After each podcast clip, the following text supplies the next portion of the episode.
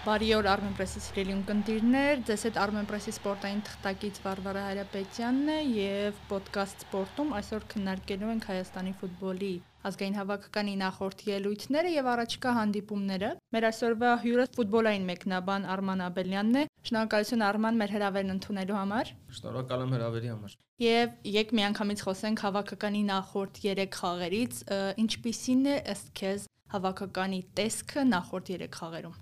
Առաջին երկու խաղերը նորմալ կգնահատեի, ոչ ոքին Մակեդոնիայի հետ ու պարտությունը Գերմանիայի,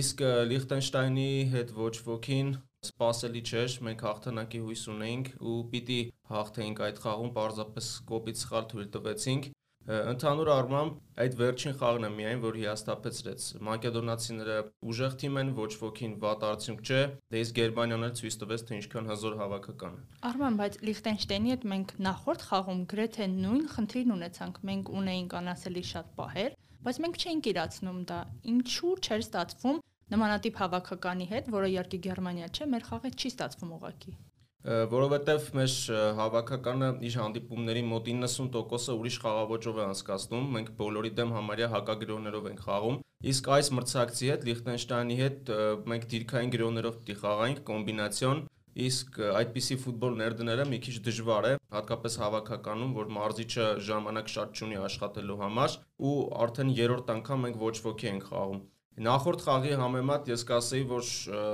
այն ժամանակ ավելի լավ հանդես եկանք, ավելի շատ պահեր ստեղծեցինք ու ամենակարևորը, որ մրցակցին որևէ շանս չտվեցինք։ Մրցակիցը նույնիսկ մեկ հարված չկատարեց այդ խաղում։ Իսկ այս անգամ մենք այդ մեկ հնարավորությունը տվեցինք ու նրանք օգտագործեցին։ Փորձը ցույց է տալիս, որ մենք այս մրցակցի հետ միավորներ ենք կորցնում միայն մեր կոպիտ սխալների պատճառով։ Արման, առաջի 3 խաղերը որակավորման փուլի մեզ հավաքականը բացարձակապես այլ տեսքով ներկայացավ եւ բոլորս խոսում ենք այն մասին, որ Կապարոսը թողնում է իր զերագիր հավաքականի վրա։ Հաջորդ 3-ը բացարձակապես այլ էր։ Ըստ քեզ ինչի հետ է դա կապված։ Նախ սպասելիքներն էին շատ մեծ, մեր ֆուտբոլիստների մեծամասնությունը այդ ճնշմանը չի դիմանում։ Հիմա օրինակ, երբ այդ ճնշումը մի փոքր թուլացել է, հնարավոր է առաջիկա խաղերում նույնիսկ ավելի լավ հանդես գան։ Գումարած առաջին 3 հանդիպումներում ճիշտ է մենք շատ լավ խաղացինք, բայց նաև որոշակի բախտի գործոն կար, թե Իսլանդիան, թե Ռումինիան ուժեղ թիմեր են ու այդ հանդիպումների ընթացքը այնպեսին էր, որ կարող էր նաև ոչ ոքի գրանցվել։ Նույն եթե վառ համակարգը լիներ,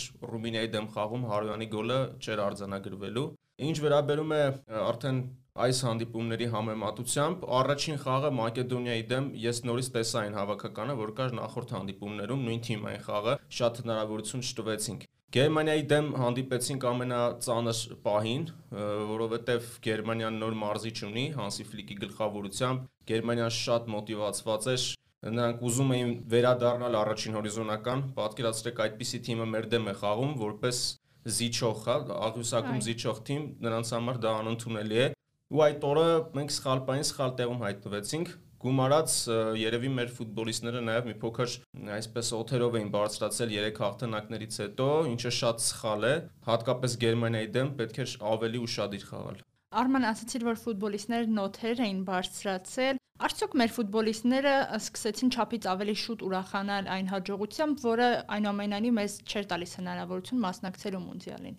Առաջին հերթին ֆուտբոլիստները պիտի հասկանան մունդիալին մասնակցելու բարդությունը, ինչքան էլ երկրպագուները կամ մենք ցանկանանք, պահանջենք, բայց դա շատ դժվար իրագործելի խնդիր է։ Նույնիսկ երկրորդ տեղը մեզ ուղեգիր միանգամից չի տալիս։ Ու այդ երեք հաղթանակներից հետո էյֆորիա եղավ։ Մեզ մոտ ինչպես է, կամ միանգամից էյֆորիա լինում, կամ մեծ հիասթափություն ու դա ֆուտբոլիստների վրա ազդեց։ Էլի եղել են դեպքեր, երբ մենք կարելի ասել մոտ ենք եղել ուղեգրի նվաճմանը, բայց վերջին պահին ինչ որ բան խանգարել է։ Դա հենց այդ այդ վերջին քայլը չկատարելն է, հոգեբանորեն չտրամադրվելը կամ երևի մենք որպես թիմ դեռ լիարժեք պատրաստ չենք այդպիսի ցած կատարելու։ Ցած կասեցին, մենք վերջի խաղերին նաև չենք կարողանում իրացնել մեր պահերը, որոնք շատ ակնհայտ են, շատ բացահայտ եւ ուղղակի պետք էր գոլ խփել։ Ինչու մեզ մոտ չէր ստացվում այդ վերջի քայլը։ Ինչու մենք վախենում ենք, հոգեբանորեն պատրաստ չենք, չենք կարողանում արդյոք այդ պատասխանատվությունը վերցնել մեր վրա որևէ ֆուտբոլիստ եւ խփել այդ վերջին հարվածը կատարելով։ Ես այսպես խաղերով գնամ Մակեդոնիայի դեմ նախ մենք կորուստներ ունեինք, 3 կարևոր ֆուտբոլիստներ չկային ու Բարսեղյան, Բայրամյան, Ղազարյան, նաև Բալեկյան, եթե նրանք լինեին, արչեվի գծում մի փոքր այլ կլիներ։ Ճիշտ է, պահեր ստեղծեցին Բիչախչյանը, Վարդանյանը, Մխիթարյանը, սակայն չիրացրին, նաև Խոտածածկն է շատ վատ այդ խաղում։ Գերմանիան մեզ ոչ մի շանս չտվեց այդ հանդիպումը անցանք, իսկ Լիխտենշտայնի խաղը մեր գլխավոր հարվածային ուժերից մեկը Տիգրան Բարսեղյանն է որը 3 անգամ անցյալում գրավել էր այդ թիմի դարպասը։ Այս անգամ մրցակիցը շատ լավ էր պատրաստվել, ինչքան էլ ասենք, որ գաճաճ հավաքականը եւ այլն, բայց մարդիկ ուսումնասիրել էին ու Բարսեղյանը հենց գնդակ էր ստանում 2-3 մրցակից նրան հետապնդում էր, պահում էր ու մեկ հնարավորություն ունեցավ դարպասաձողը փրկեց մրցակցին, բայց լավ պաշտպանվեցին։ Այո, մենք ունենք այդ պահերի իրացման խնդիրը, չի ասի թե Բալեկյանի վերադարձով այդ հարցը լուծվելու է։ Մեր հավաքականում Ադամյան, Բալեկյան հարցակողներ կան, որոնք շատ մեծ աշխատանք են կատարում դաշտում, բայց այդ գոլ խփելու, ինչպես ասեմ, գոլ խփելու վճռականությունը չունեն։ Յուրա Մովսիսյան չեն։ Հիշեցինք նաև Յուրային։ Արման, մենք այս մրցափուլում սկսեցինք նախորդից դեռևս ազգերի լիգայից, սկսեցինք հավաքականում տեսնել նոր անուններ, երիտասարդներ եւ մեզ երբեմն զարմացնում էր Կապորոսի մեկնարկային կազմը։ Հետո մենք խաղից հետո հասկանում ենք, որ Կապորոսը լավ էլ հասկանում էր ինչ էր անում։ Ըստ քեզ այս հնարավորությունները, որ ստանում են երիտասարդները, դա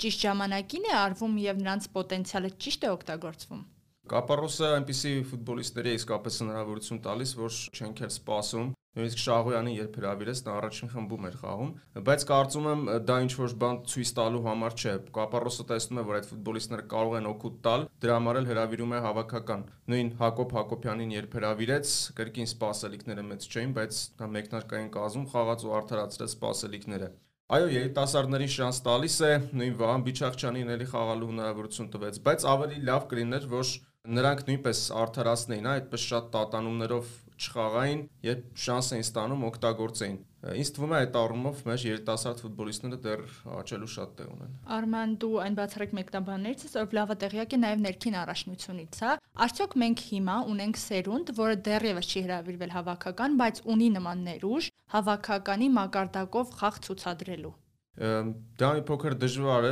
ԲԿՄ-ում կան լավ ֆուտբոլիստներ, ընդհանրապես տաղանդավոր խաղացողներ մենք ունենք, բայց նաև լրջագույն խնդիր կա։ Մեր երիտասարդ ֆուտբոլիստները գալիս են մի տարիք, որ 20-21 տարեկան, որ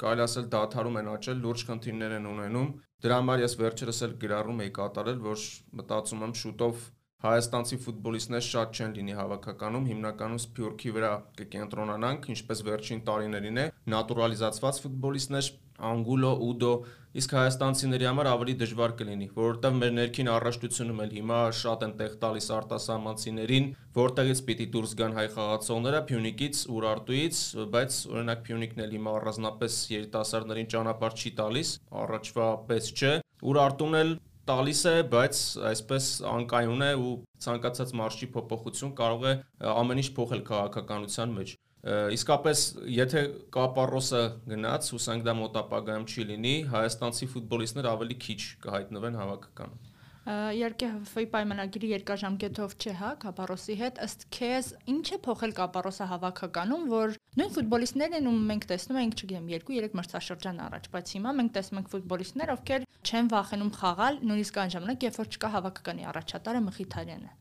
Կապարոսը շատ մեծ հեղինակություն է, ֆուտբոլիստները նրան հարգում են։ Չէ ասի թե տակտիկապես ինչ որ շատ լուրջ լուծումներ կամ նորարարություններ արել հավաքականում, բայց ներդրել է թիմային ոգի, թիմային խաղ ու բոլորը մեկը մյուսին փոխօգնում են խաղադաշտում։ Ավելի շատ առաջին 3 հանդիպումներում դա տեսանք ու նաև ազգերի լիգայում։ Հիմնականը դա է, մարզիչը կարող է տակտիկապես շատ զարգացած լինել, բայց ֆուտբոլիստները նրա ասասները ինչպես հարկն է չընդունեն ու կարող է հակառակը լինել։ Հիմա մեր հավաքականում նա իսկապես հեղինակություն է ու բոլորը հարգում են, դրա համար էլ դաշտում նվիրվում են աշխատանքի։ Արման չեմ կարող չհարցնել, սոցցանցերում մի մեծ ալիք բարձրացավ հավաքականի վերջի 3 խաղերից հետո, որ հավաքական այլ խաղեր ցուցադրում, երբ որ չկար Մխիթարյանը եւ հավաքական այլ խաղ է ցուցադրում, երբ որ կա Մխիթարյանը։ Ինչպիսի կարծիք ունես դու։ Այդ հարցը ինձ էլ շատ մտահոգեց ու ինչ որտեղ նաև բարկացրեց։ Ես չեմ կարծում, թե ինչ որ բանում կարելի է Մխիթարանին մեղադրել, Մակեդոնիայի ու Լիխտենշտայնի դեմ խաղերում նա լավագույններից մեկն էր, երբ որ այս վերջին խաղում մեր ֆուտբոլը ուղակի չէր ստացվում, Մխիթարյանը շատ հաճախ խաղն իր վրա էր վերցնում։ Միշտ նա հայտարարել է, որ թիմակիցները պիտի պատասխանատվություն վերցնեն իրենց ուսերին, բայց ոչ բոլորն են դա անում։ Երբ կա Մխիթարյանը, մի մասը կարծես նրա ստվերում է թաքնվում, իմանալով, որ հետո եթե անհաջողություն լինի, ավելի շատ Մխիթայանին են մեղադրելու։ Դա անընդունելի է, ես չեմ հասկանում դա։ Եթե Մխիթարյանով մենք թիմային ֆուտբոլ չենք կարողանում խաղալ, դա Հենրիխի խնդիրը չէ, դա ուրեմն արդեն Մարշչի խնդիրն է, Կապարոսի խնդիրն է, ինչու նա չի կարողանում։ Ինձ էլ է հետաքրքիր առաջիկա հանդիպումներում ինչպես կլինի, որովհետև Մխիթարյանը այնպիսի խաղացող չէ, որ ցանկանա թիմային աշխատանք կատարել, նա ամենաշատն է վազում, ամենաշատն է գնդակ խլում, ուրեմն Մարշչի հետ կապված խնդիր կա, որ չի կարողանում թիմային խաղ կառուցել։ Եվ առաջանցնելով մեր առաջիկա հանդիպումները, հա, մրցակիցներ են, որոնց հետ արդեն իսկ խաղացել ենք եւ ինչ են ակնկալում, այնուամենայնիվ մեզ կհաջողվի գրավել երկրորդ տեղը, եթե անգամ երկրորդ տեղով դուրս չգանք, ինչ հերանեկար է տեսնում հավաքականի համար։ Ես ընտրական փուլի սկզբից էլ նշել եմ, որ Կապարոսի աշխատանքը չի կարող գնահատվել միայն դուրս գալ, դուրս չգալով, որովհետև նա շատ մեծ աշխատանք է կատարել մեր հավաքականում ու հասկանալով նաև մունդիալ դուրս գալու բարդությունը։ Նշենք, որ եթե երկրորդ տեղ էլ գրավենք, մենք պիտի փլեյոֆի մասնակցենք, երկու կիսաեզրափակիչ է լինելու, մեկ եզրափակիչ ու մյուս խմբերում երկրորդ տեղ գրաված թիմերից մեկի հետ ենք խաղալու, ինչը նույնպես դժվար խնդիր է լինելու։ Իսկ թվում է, որ հնարավորություն ունենք, եթե խոսենք առաջիկա խաղերից, Իսլանդիայի դեմ մենք կարող ենք հաղթանակի համար պայքարել։ Իսլանդիան այսօր իր լավագույն վիճակում չէ, բայց Ռումինիան ու Մակեդոնիան ուժեղ հավաքականներ են, Մակեդոնիայի մարչական փոփոխություն եղավ ու արդեն նկատվում է մարչի ձեռագիրը։ Լավ է որ նրանց հետ այս 3 խաղերի մեջ առաջինը մրցեցինք, ոչ թե հետո, որովհետև խաղը իսկապես բարելավեց։ Մենք Ռումինիան, Մակեդոնիան համարյա հավասար շանսեր ունենք ու այդ երեքից ով էլ գրավի երկրորդ տեղը կլինի օրինաչափ. Համարյա հավասար հավաքականները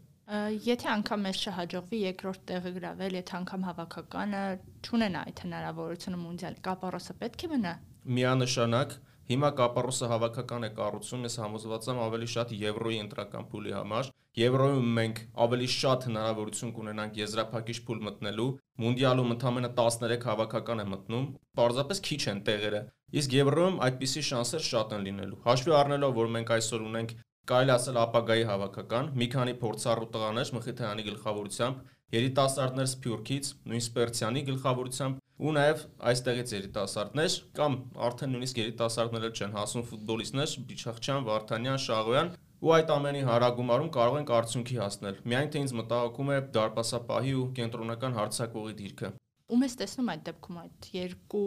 խոցելի օղակներում։ Շատ դժվար է այս բանին ասելը։ Դեռևս Յուրչենկոին գուցե շարունակեն վստահել, այլ դարպասապա այս բանին չի նշмарվում։ Կենտրոնական հարցակվող հայաստանցի մենք շատ վաղուց հավաքականում չենք ունեցել, բոլորը սփյուռքից են, սկսած Մովսիսյանից վերջացրած հիմա Ադամյանով։ Ես կարծում եմ, որ այս պայն ամենաօպտիմալը Ադամյան Բալեկյան դուետն է։ Շնորհակալ եմ Արման, հաջողություն մաղթենք հավաքականին, հուսով ենք այն ամենը մեզ կհաջողվի երկրորդ տեղը գրավել եւ պայքարել գոնե հնարավորության համար։ Ես էլ եմ հավատում, հաջողություն մաղթենք։ Հաջողություն։